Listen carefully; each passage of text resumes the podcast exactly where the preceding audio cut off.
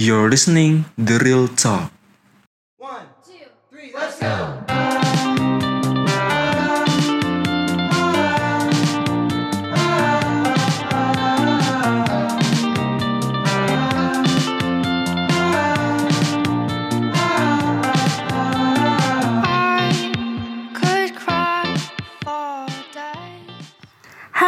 Corona nggak habis-habis, kamu nggak bisa ke mana-mana. Jangan sedih, karena The Real Talk bakal ajak kalian belajar sambil jalan-jalan keliling dunia. Ayo kita mulai!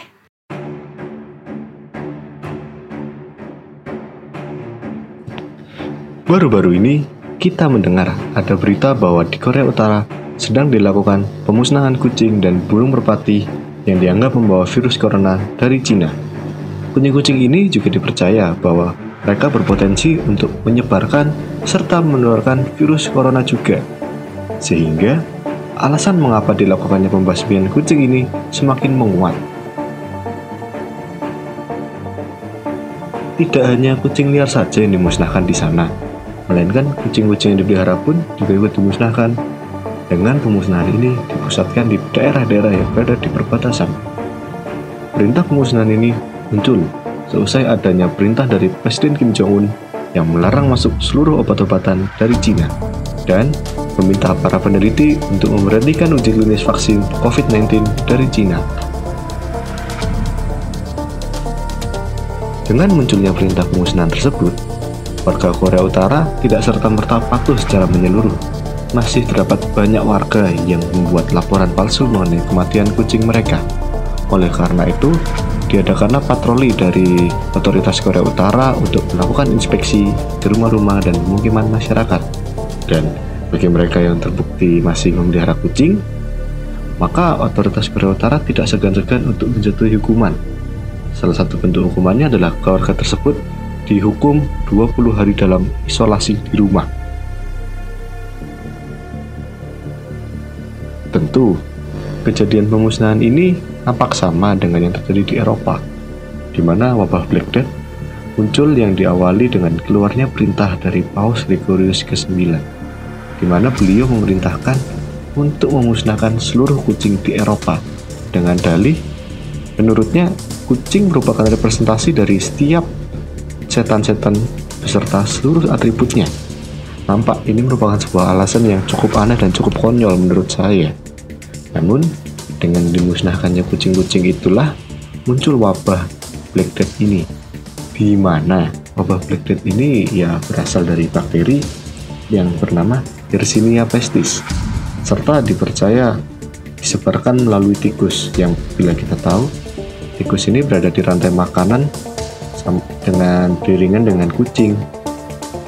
Yang kalau kucing dimusnahkan maka tikus akan berkeliaran dengan bebas dan yang bila kita tahu, wabah Black ini menelan 75 hingga 200 juta jiwa penduduk Eropa hanya disebabkan oleh sebuah berita yang cukup aneh dan cukup konyol. Imbasnya adalah kematian 75 hingga 200 juta jiwa penduduk di Eropa.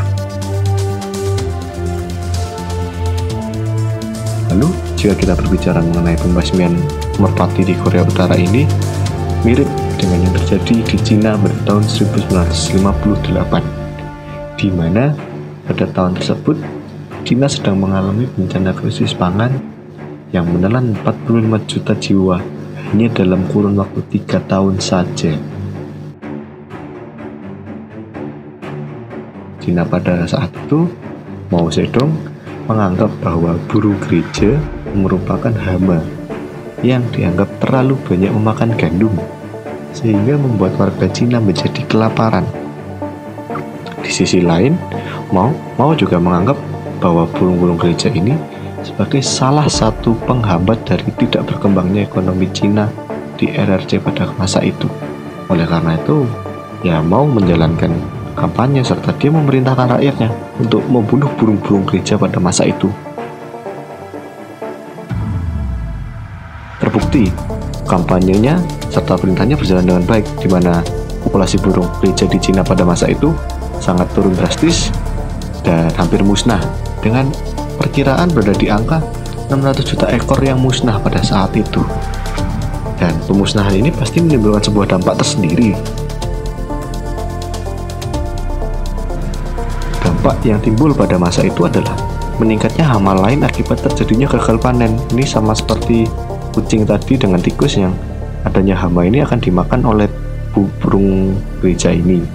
Dan ketika burung gereja ini tidak ada, maka hama tersebut akan semakin membludak uh, jumlahnya dan akan jadi gagal panen di sektor pertanian terutama dan yang berimbasnya adalah ya bencana krisis pangan ini menjadi semakin kompleks sehingga kelaparan di Cina pada saat itu menjadi semakin menggila. Dari kedua kasus di atas, bisa dilihat bahwa keputusan Korea Utara melalui presidennya Kim Jong-un untuk melakukan pemusnahan kucing serta burung merpati merupakan keputusan yang tidak tepat menurut saya. Jika kita melihat track record sebelum-sebelumnya sudah terjadi dan kita mengambil contohnya dua kasus di atas maka keputusan tersebut sangatlah berbahaya bagi keseimbangan ekosistem dan keberlanjutan alam di sekitarnya. Tentu ini juga akan merusak rantai makanan yang ada di mana akan terjadi hilangnya salah satu konsumen dan akan berakibat pada punahnya atau membeludaknya konsumen di rantai berikutnya atau di rantai sebelumnya seperti contoh Black Death ini yang tikus menjadi merebak akibat kucing dimusnahkan dan di Cina yang burung gereja dimusnahkan dan yang terjadi hama-hama yang dikonsumsi oleh burung gereja ini menjadi semakin membludak. Dan itu merupakan gambarannya dan mari kita memikirkan secara lebih panjang lagi mengenai suatu keputusan yang akan kita berikan jadi kita mengambil dari kejadian-kejadian lalu kita jadikan itu sebagai referensi dan kita memutuskan yang terbaik tanpa merugikan alam dan sekitarnya